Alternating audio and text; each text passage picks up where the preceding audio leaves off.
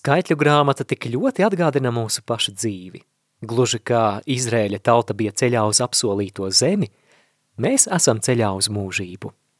Tas ir kā Izrēļa tautas laiks tuksnesī, nereti pārbaudījumu pilns. Un gluži kā viņi arī mēs izaicinājumos attopamies izvēles priekšā. Kurnēt un sadumpoties, vai tomēr paļauties uz Dievu arī tad, ja visu līdz galam nesaprotam.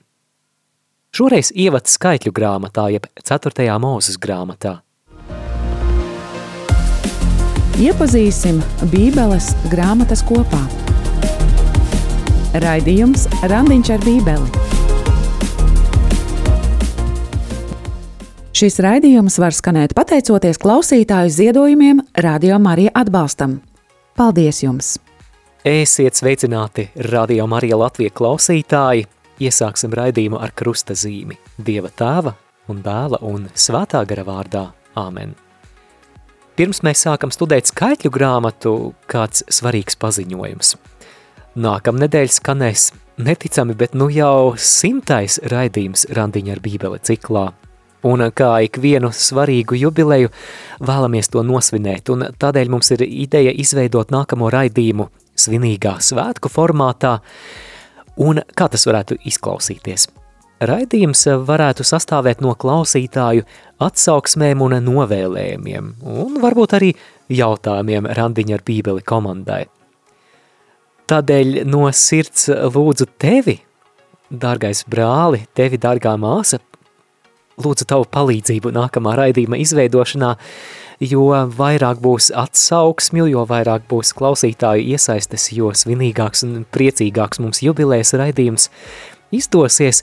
Tādēļ līdz nākamajai piekdienai ar prieku gaidīsim jūsu atsauksmes par šo raidījumu, ko šis raidījums jums ir nozīmējis, vai kādu vispār tas ir iedrošinājis lasīt bībeli, un kāds būtu jūsu novēlējums randiņam ar bībeli vai droši arī uzdodiet savu jautājumu, jeb kādu jautājumu par raidījumu vai par bībeli, par bībeles lasīšanu, ja vēlaties eh, dzirdēt atbildi, savus ieteikumus, novēlējumus, atsauksmes un jautājumus varat sūtīt gan uz e-pastu randiņš ar bībeli at gmail.com, varat rakstīt arī vēstulī randiņā ar bībeli Facebook lapā, vai rakstiet uz studija at rml.lv vai info at rml.lv, jebkurā gadījumā jūsu ziņas nonāks eh, līdz mums un ļoti priecāsimies, ja sniegsiet savu ieguldījumu mūsu simtā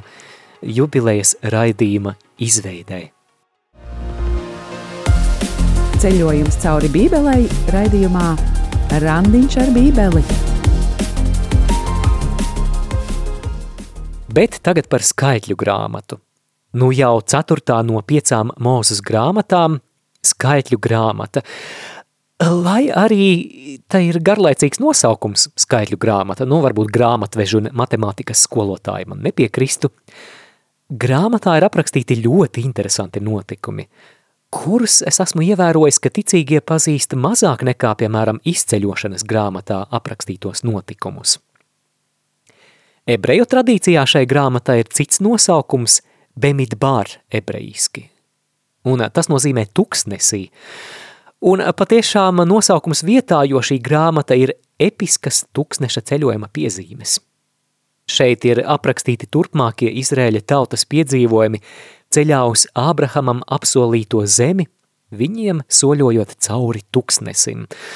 Un šāds ceļojums kājām normāli varētu būt noticis aptuveni divās nedēļās, un tomēr, kā mēs lasīsim, tas ievēlkas uz 40 gadiem. Kaut kas traks.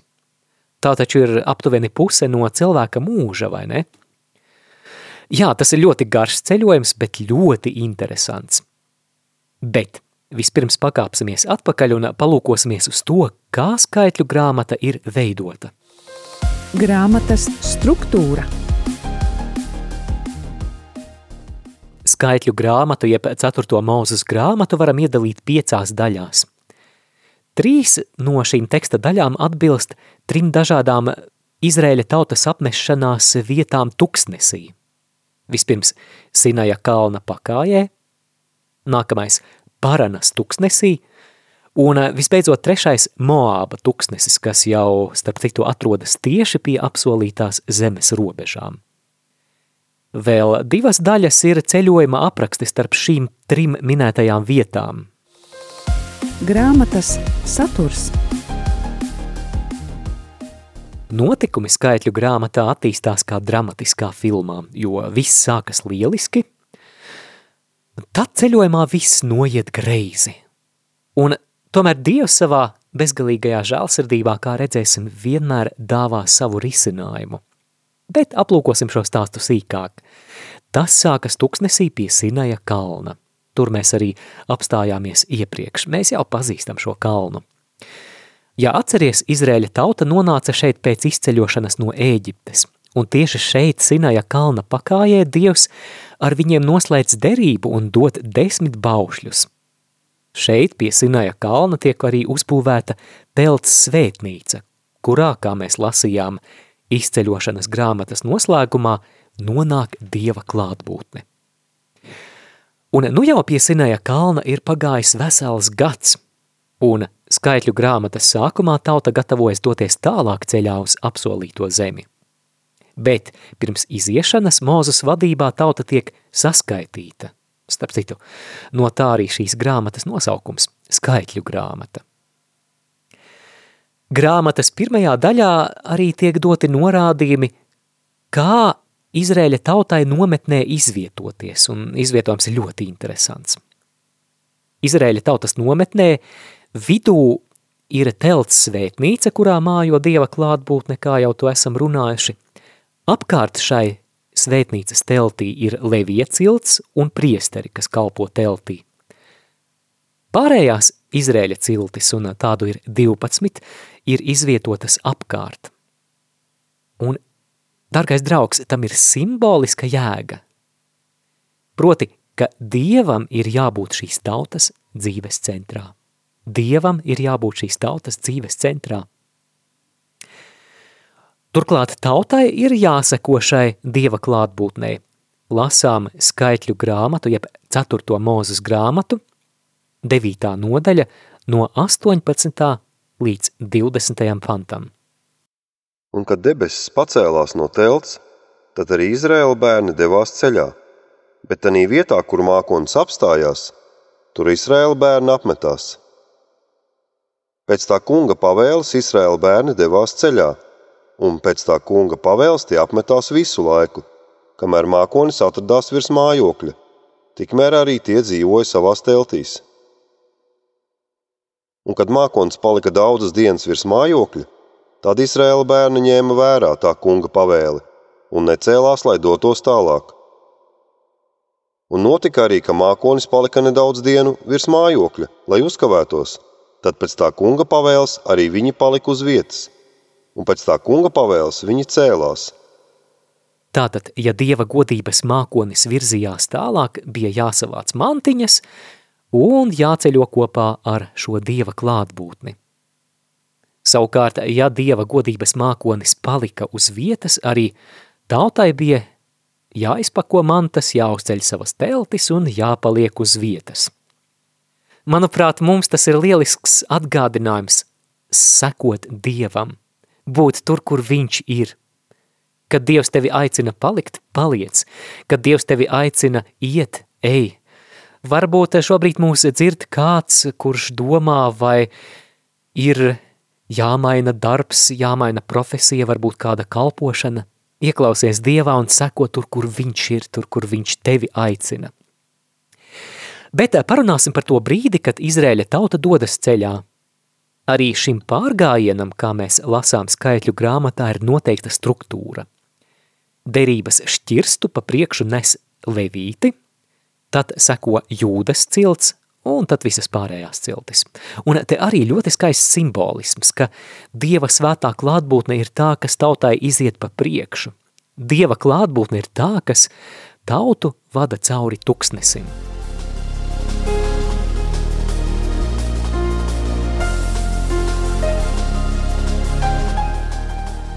Grāmatas otrā daļa Gājiens no Sinajas kalna uz Paranas tuksnesi sākas ar lielu entuziasmu. Jā, mēs iesim, Dievs ir ar mums, viss ir labi organizēts. Šķiet, ka šīs būs lielisks ceļojums. Un tomēr turpinājums it nemaz nav lielisks. Iedomājies, paiet tikai trīs dienas, trīs dienas, un tautai piemetas kurnis – Viņi kurna par izsalkumu, ēst gribās, viņi sapņo par tiem ēdieniem, kas bija pieejami Ēģiptes zemē. Viņi kurna par slāpēm, viņiem viss ir slikti. Zini tādu stāvokli, kad viss ir slikti. Kādā brīdī pat Mūzes brālis Ārons un māsa Mirjama sāka kurnēt pret Mūzu visas tautas priekšā, tā ka nav labs sākums. Un tā nu ar veselu drāmu esam nonākuši grāmatas trešajā daļā, Paranas tuksnesī, kas ir nākamā – Izrēļa tautas apmešanās vieta. Viens no svarīgākajiem notikumiem šajā posmā ir izlūka gājiens uz apsolīto zemi. Tātad no Paranas tuksneša tiek izsūtīti 12 izlūki pa vienam no katras Izrēļa cilts. Viņu uzdevums ir izpētīt apsolīto zemi, zemi, ko Dievs bija apsolījis Ābrahamam un viņa pēcnācējiem. Labi, 12 izlūki aiziet uz šo zemi, bet, kad viņi atgriežas no izlūka gājiena, tikai divi no viņiem, tikai divi no 12, Jozo un Kāleps ir noskaņoti optimistiski. Pārējie desmit sēja tautā paniku. Lasām skaitļu grāmatu 13. nodaļu no 32. panta. Un tie izlaida nelabu slavu par to zemi, kur tie bija izlūkojuši, starp Izraēla bērniem tā sacīdami. Tā zeme, ko mēs kā izlūk esam pārsteigājuši, ir zeme, kas aprī savus iedzīvotājus. Un visi ļaudis, ko mēs tur esam redzējuši, ir milzīgi auguma vīri. Un tur mēs arī esam redzējuši milžus, Anaka dēlus, no milžu cilts. Mēs bijām savās acīs kā siseņi, un tādi paši mēs bijām arī viņu acīs. Jā, tas nu gan neliecina par uzticēšanos Dievam. Es aicinu kādu brītiņu uzkavēties pārdomās par izkropļotu dieva un sevis attēlu. Manuprāt, ļoti svarīga tēma, ko mēs redzam šeit. Šajā stāstā mēs redzam abus, gan izkropļotu dieva attēlu un izkropļotu sevis attēlu. Mēģināšu paskaidrot. Vispirms padomā, kāds ir dieva attēls, jeb priekšstats par dievu šiem ļaudīm. Dievs šo zemi uz kuru viņi devās kā izlūki, ir apsolījis Ābrahama pēcnācējiem. Un ja tauta uzskata, ka šajā zemē viņi ies bojā, ka tur viss būs slikti, tātad uh, Dievs ir tas, kurš caur apsolījumu mēģina viņus ievilināt nāvējošā slazdā. Saklausiet sarkasmu manos vārdos. Mēs saprotam, ka tas ir pilnīgs absurds un Tomēr arī mums gadās, ka mēs neusticamies Dievam tādēļ, ka mums ir izkropļots nepareizs priekšstats par Dievu. Kādu Dievu redzi tu? Vai Dievam var uzticēties? Vai Dievs tevi mīl? Vai Dievs atgādina tavu stingro skolotāju sākuma skolā, kurš paceļ balsi un vienmēr ir rīgans un neapmierināts, vai Dievs atgādina kādu policistu, kurš vēro tevi no mākoņa un ir gatavs reģistrēt katru vissīkāko pārkāpumu. Kāds ir tavs Dieva attēls?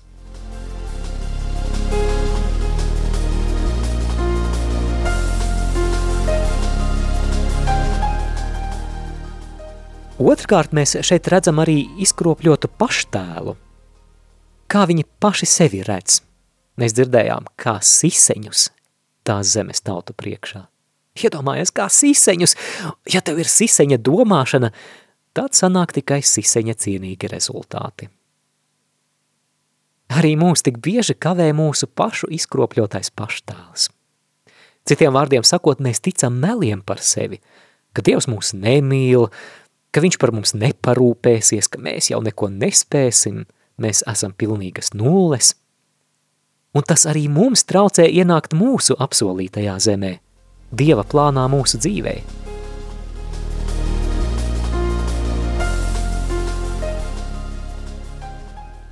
Bet atgriezīsimies pie skaitļu grāmatas stāsta. Tauta ir noklausījusies dramatiski nomācošās ziņas par zemi, uz kuru tā dodas un vairs negrib tur doties. Sākas sacelšanās. Tauta vēlas pat iecelt citu līderi Mūzus vietā, kura vadībā atgriezties Ēģiptē. Tur, no kurienes viņi ir izgājuši. Kaut kas traks. Tomēr divi no izlūkiem, Jozo un Kāleps, ir ticības pilni. Lūk, kā viņi iedrošina tautu. 14. nodaļa no 7. līdz 9. pantam. Un tie runāja uz visu Izraēlu bērnu draudzi, teikdami, zeme, ko mēs esam pārsteigājuši, to izlūkodami, šī zeme ir varen laba zeme. Ja tas kungs mums būs labvēlīgs, tad viņš mūs arī ievedīs tanī zemē un dos mums tādu zemi, kurā piens un medus tek. Tikai jūs paši nesacelieties pret to kungu un nebīstieties zemes iedzīvotājs. Tie mums būs kā maizes kumos, viņu patvērums ir tos atstājis, bet tas kungs ir ar mums, nebīstieties no tiem. Jā, bet tauta ir tik ļoti noticējusi sliktajām ziņām, ka par šādiem Jozos un Kāleba vārdiem viņi ir gatavi abus ticības vīrus nomētāt ar akmeņiem. Tātad viņi atsakās ieiet apsolītajā zemē. Un zini, kas ir pārsteidzoši? Dievs respektē viņu izvēli. Viņš saka, šī paudze klaiņos 40 gadus tuksnesī, un viņi mirst turpat tuksnesī. 14. nodaļa no 22. līdz 23. pantam. Visiem tiem vīriem, kas ir redzējuši manu godību un manas zīmes, ko es esmu darījis Eģiptē un tuksnesī, bet kas tomēr mani vēl ir kārdinājuši desmitām reižu, nepaklausīdam manai balsīm, Tiem nebūs redzēt to zemi, ko es ar zvērestu esmu apsolījis viņu tēviem. Nē, nevienam no viņiem visiem, kas mani nicinādam ir atmetuši, nebūs to redzēt.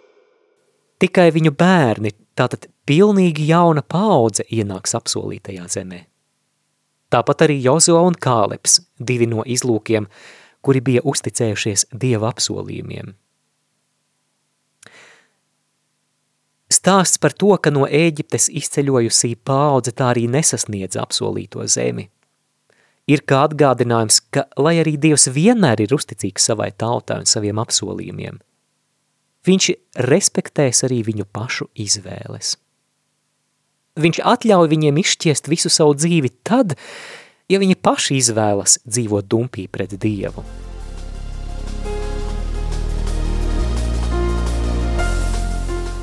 Kā redzam, ceļojums līdz šim ir īsta katastrofa.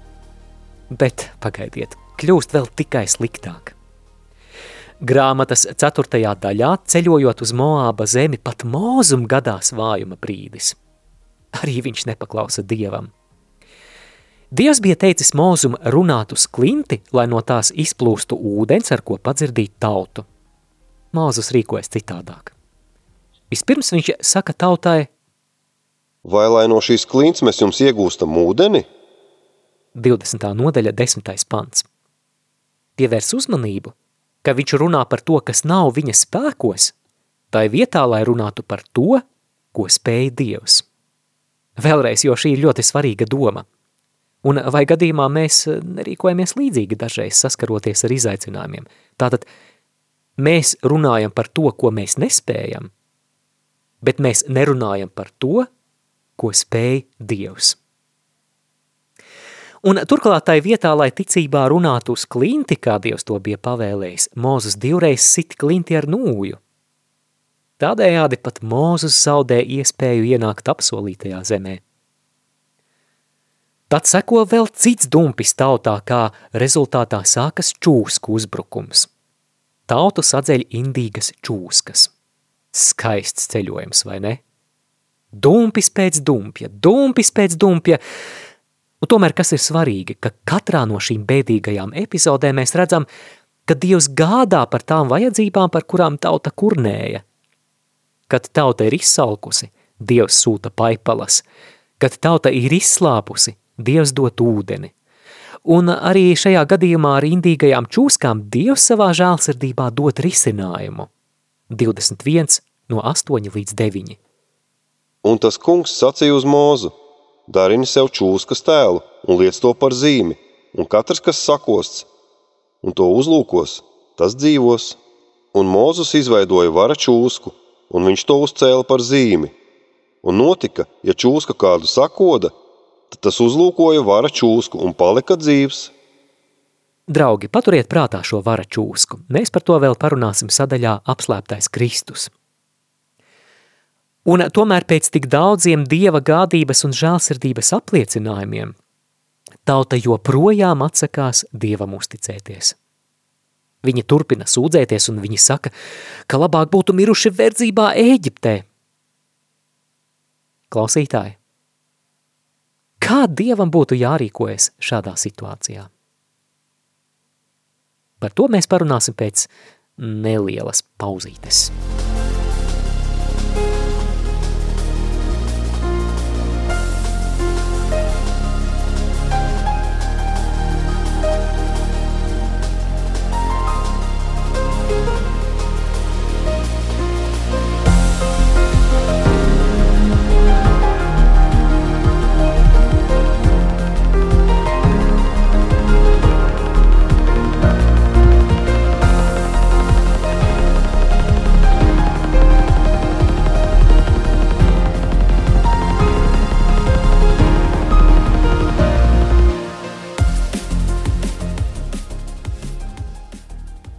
Turpinām studēt skaitļu grāmatu, jeb 4. mūzes grāmatu, un kā mēs dzirdējām, ceļojums tuksnesī līdz apsolītajai zemē izrādījās nemitīgs kurnēšanas maratons. Zini, gatavojoties šim raidījumam, es iedomājos, ka, ja grāmata nebūtu jau nosaukta par skaitļu grāmatu, mēs to droši varētu nodēvēt par kurnēšanas grāmatu. Bet kā Dievam tajā visā rīkoties? Zini, man šķiet, ja Dievs būtu kā mēs, viņš jau sen būtu pilnībā atmetis visas cerības par šo tautu. Un tomēr grāmatas pēdējo daļu ļoti interesantu dara kāds neparasts notikums, kas parāda, kā rīkojas Dievs. Tātad, Izrēļa tauta tikko ir nonākusi Moāba tuksnesī, kas ir tieši pie apsolītās zemes robežām šīs zemes ķēniņš, jeb moābiešu ķēniņš par šo lielo tautu, kas ceļo tagad cauri viņa zemē, ir ļoti satraucies. Viņš nolīgst pagānu burvi Bileāmu, lai tas nolādētu Izrēļa tautu. Hm, interesants veids, kā tikt galā no nevēlamiem cilvēkiem. Bileāms saka, labi, es lūkšu ebreju dievu un skatīsimies, kas notiks tālāk. Un tad trīs reizes Bileāms mēģina nolādēt Izrēļa tautu – bet tik reiz viņš saprot, ka spēj izrunāt nevis lāstus, bet tikai svētības vārdus. Cik interesanti. Lāstu vietā pār viņa lūpām nāk svētība pār Izrēļa tautu.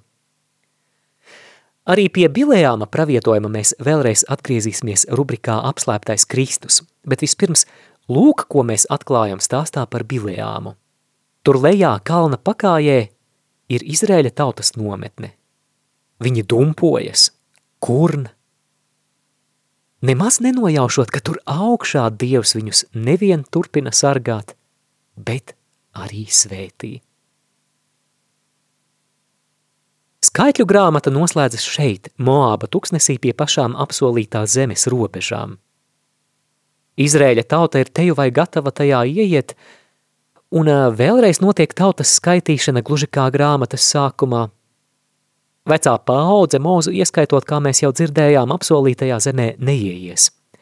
Bet pirms tam Mūzus pasludina tautai savus pēdējos brīdinājuma un gudrības vārdus, un šī runa ir nākamās Mūzes grāmatas saturs, jeb atkārtotā likuma grāmatas saturs, ko mēs studēsim pēc divām nedēļām. Atgādinu, ka nākamais raidījums būs simtais raidījums, un tad mēs mazliet pasvinēsim brīvākā formātā tādēļ raksti savas atsauksmes par šo raidījumu, savus novēlējumus un droši uzdot savu jautājumu. Drīkst uzdot arī ļoti provokatīvus jautājumus.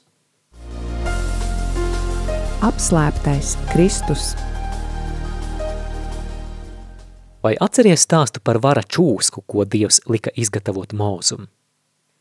Ik viens čūsku sakostais, kas uzlūkoja šo vara čūsku, tika izciedināts. Vai zini, ka Jēzus atsaucas uz šo notikumu Jāņa evaņģēlija trešajā nodaļā? Jāņa 3, lasām no 14. līdz 17. pantam. Un kā Mūzes paaugstinājis čūsku tūkstnesī, tāpat jātop paaugstinātam cilvēka dēlam, lai ik viens, kas tic viņā, iegūtu mūžīgo dzīvību. Jo tik ļoti Dievs pasauli mīlējis, ka viņš devis savu vienpiedzimušo dēlu, lai neviens, kas viņam tic, nepazustu, bet dabūtu mūžīgo dzīvību. Jo Dievs savu dēlu nav sūtījis pasaulē, lai tas pasauli tiesātu, bet lai pasaule caur viņu tiktu glābta. Kā Mūzes paaugstināja čūsku tuksnesī, tāpat jātop paaugstinātam cilvēka dēlam, tātad Jēzum. Par ko šeit Jēzus runā? Čūskas atveidojums uz staba skaitļu grāmatā ir attēls Jēzus krustam, kurā Jēzus tika paaugstināts. Tātad Jēzus krusta nāve ir tā, caur kuru grēcinieks tiek glābts no mūžīgās nāves, gluži kā tuksnesī vara čūskas uzlūkošana glāba no nāves. Kas tuksnesī bija jādara tiem, kas cieta no čūsku kodumiem? Vai viņiem bija jāpieskaras vara čūskai, vai varbūt jāuzskāpj tajā stabā, varbūt jāpiet apkārt vara čūskai desmit reizes? Nē. Vienīgais, kas tika prasīts, uzlūko stabā pakārto vara čūsku. Dargie draugi, vai tas brīnišķīgi nesasaucas ar evaņģēlija vēsti, ka mums nav jānopelna mūsu glābšana? Uzlūkot krustu nenozīmē darbu. Uzlūkot nozīmē ieticēt, uzlūkot ar ticības acīm. Un Jēzus saka, jo tik ļoti Dievs mīlēja pasauli, ka viņš deva savu vienpiedzimušo dēlu, lai neviens, kas viņam, es uzsveru, tic.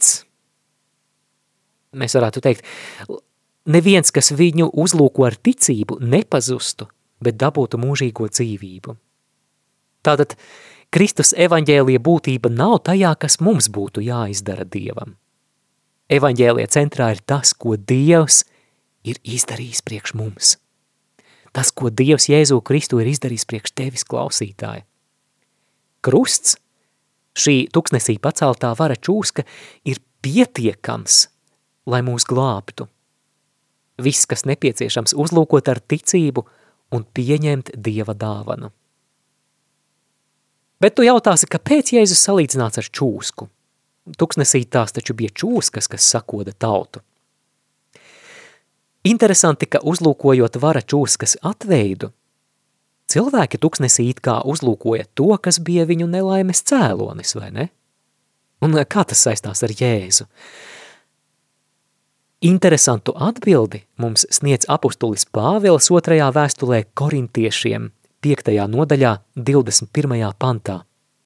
Viņu, Jēzu Kristu, kas grēku nepazina, viņš, Dievs, mūsu dēļ padarīja par grēku, lai mēs viņā taptu par Dieva taisnību. Tātad, lai gan Jēzus bija bez grēka, viņš pie krusta iemieso visus mūsu grēkus. Tas tādēļ, lai mēs Jēzu Kristu tiktu glābti no grēka un attaisnoti Dieva priekšā. Līdz ar to mēs grēcinieki uzlūkojot krustu, redzam Jēzu, kurš mūsu dēļ bija padarīts par grēku, lai mēs no šī grēka būtu brīvi. Gluži kā vara čūska bija pretinde pret čūskām tuksnesī, tā Jēzus, kurš pie krusta bija uzņēmies visus mūsu grēkus, tagad ir pretinde – pret grēku, kas mūs nolemj mūžīgajai pazušanai.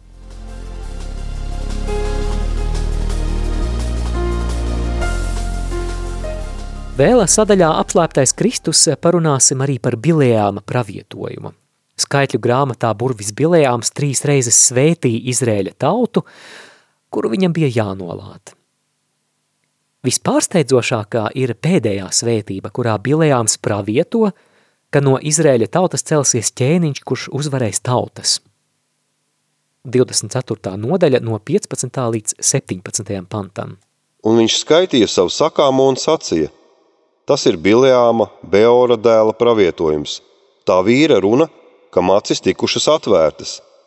Tā pravietojums, kas uzklausīs Dievu vārdus, kas zina visaugstākā atziņas, kam skaidra visu varenā atklāsme, kas kritis ceļos – un kam acis tikušas atvērtas. Es viņu redzu, bet ne tagad. Es viņu novēroju, bet ne tūmā. Zvaigzne ņems sev ceļu no jēkaba, un no Izraēla celsies scepteris. Šis pravietojums lielā mērā apstiprina Ābrahamam dotos apsolījumus. Atcerēsimies, ko tad Dievs apsolīja Ābrahamam. Ka viņa pēcnācēji nevien kļūs par lielu tautu, bet arī iemantos zemi, ka no viņiem nāks arī ķēniņi. Bilējāms to nosauc par zvaigzni no Jēkaba, par scepteri, kas celsies no Izrēla. Bet atceries, ka ir vēl trešais apsolījums. Ābrahama pēcnācējos tiks svētītas visas tautas. Tātad šim noslēpumainajam ķēniņam, kuru vīzijā redz Bilējāms, jābūt kaut kādai saistībai ar Dieva svētības atjaunošanu visām tautām.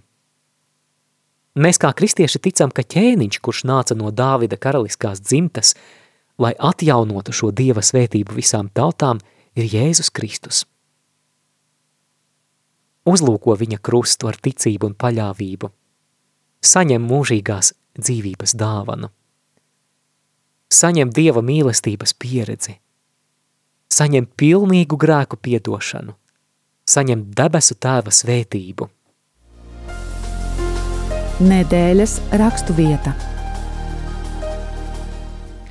Skaitļu grāmatas sastajā nodaļā Dievs caur mūzu dot priesterim Āronam īpašus svētības vārdus.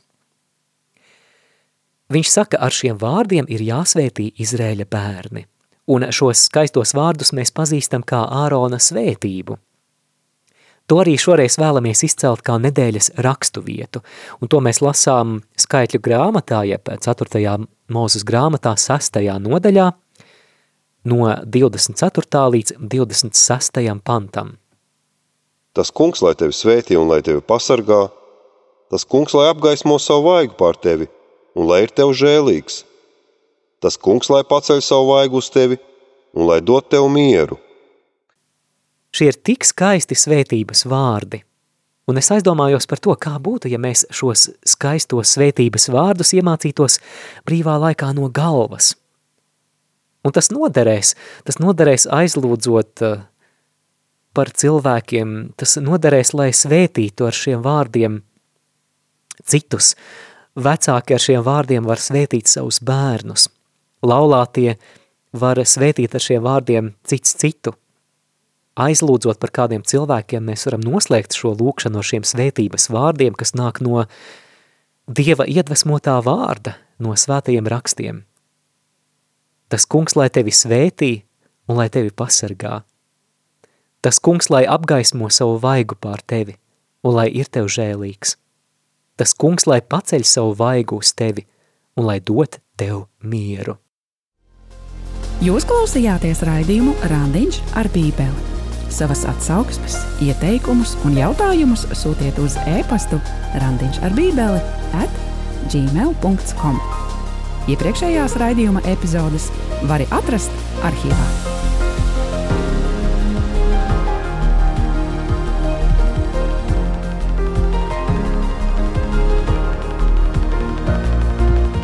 Raidījums varēja izskanēt pateicoties klausītāju ziedojumiem, Radio Mārija atbalstam. Paldies jums!